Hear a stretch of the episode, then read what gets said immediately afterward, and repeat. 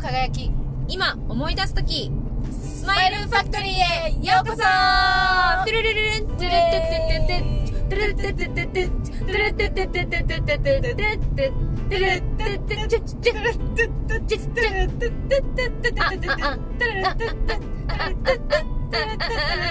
じゃん今日はお料理番組でしょうかゆかこ先生3分クッキングならぬ3分ポッドキャストはい目指しましょう今32秒です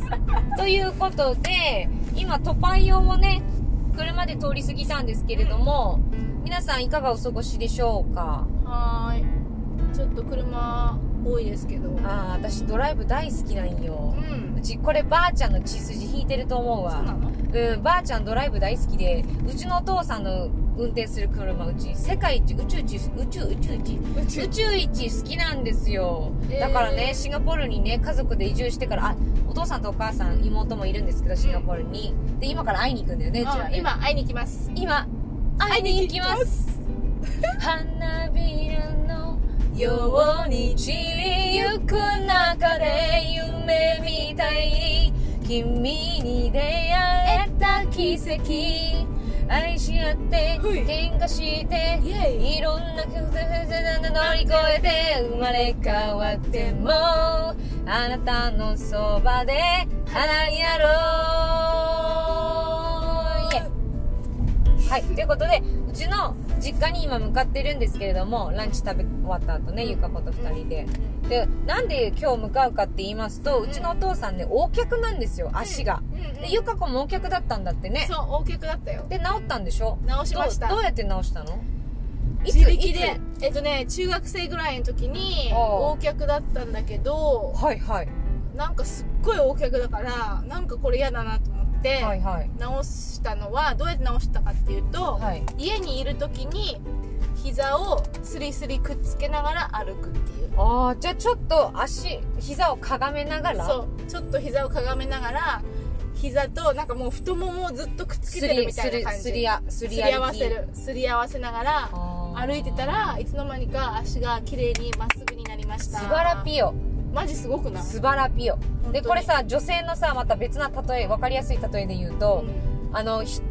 うちの妹もともと一重の目で生まれてきたんだけど今、うん二重なのようんでなんでかっていうと彼女もその中学生の思春期の頃ね、うん中高生の頃はコンプレックスでそれが彼女にとっては一重がねうんで二重にしたかったからアイプチをしてたらしいんですよね、毎日週髪毎朝毎朝、うんでアイプチしなくてもうんうんそのうち二重がもう最初から朝起きた時からできるようになっちゃったんで要は私は何が言いたいかというと、うんはいそういう癖を自分でつけられるよってあー逆で、にねそう手相もそういう線がなければ書いちゃえばいいの言うよねでもそれねでそしたら開運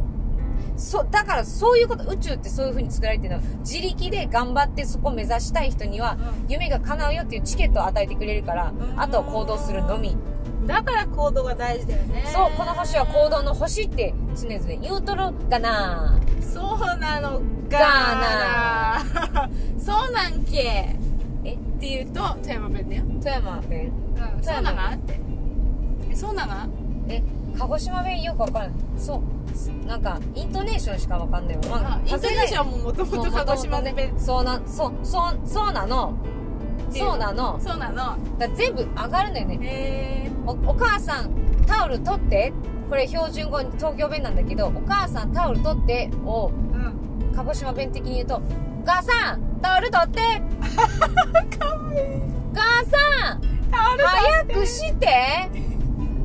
もういいしてあいいしてっていうのは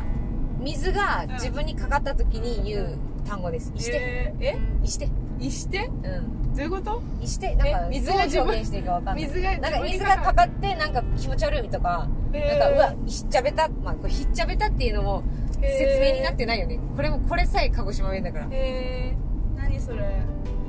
鹿児島弁です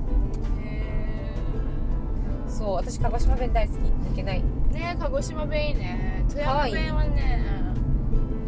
抜けちゃうな抜けるんだもうねこってこてだからね鹿児島弁はね全然できないだからそれこそ愛ちゃんあの歌手の愛の、はいはいあの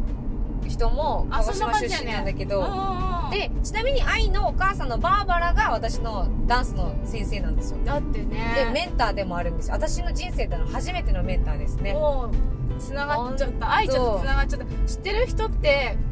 あのー、3人うん3人人を返せば地球上どの人どのどこにいる人そうでもあのつながれるっていうじゃん私そもうつなだがっとたもんだって思う和江ちゃんえっとバーバラ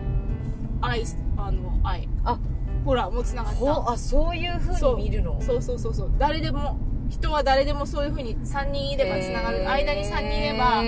ばつながるんだって知ってるじゃあすごく3人の両端にはうここではゆかこと風だから5人だよねじゃあ5がキーワードだねんごは気がう5っていう数字はんうん1から10までの間の、うんまあ、中間の数字じゃん5と6のうちのうん5、で5っていうのはうんうん平和の和とか輪っかとかそういう仏教的に言う中道あの将来を見すぎず過去も見すぎず今を今をフォーカスしながら未来に進むっていう中道っていう好きな言葉があるんだけど、うんなんか5ってそういうのを表してる気がするんだよねうーん5だから5人のうちの3人を返せばうん両端がつながりますよってことだよね、そういうちこょっととだこれ計算してみたい後でノートに私数字の掛け合わせと足し算で宇宙をの法則をいつも学んでるから、へうんえ全部降りてくるからそれ全部ノートに取ってるだけなんだけど、まあ、興味ある人聞いてみてうちに全部答えられると思うからえ聞いてみてほしいじゃあちょっと今えでもどういうことをさ何でもいいよ質問え例えばどういうこといやだからな何何ででももいいいいの何でもいいえ恋愛でもあのお母さんのことでもとか自分の将来なりたい夢とかえどういうことどういうことだから質問したいことがあれば何でもえそれを数字で導き出すのうえ私は今後どんな家に住むのでしょうかんあダメそれはねちょっと曖昧だしざっくり私はこうなりたいけどいついつなりますかああーってそういいううこ話とねそういうことねごめん女中の説明も悪かったよくなかっえじゃあちょっとそういうさ質問ある人にさ和江ちゃんにメッセージしてもらおうよたうんし私 DM くれくもらったことないもんフィードバックのえちょっとじゃあ和江ちゃんに今今日今回えー、和江ちゃんにもうあのこれを聞いてメッセージした方めっちゃいいことあると思うそしたらいやいいことあると思うじゃなくてあるからよアファメーションだよみんなじゃあ送ってください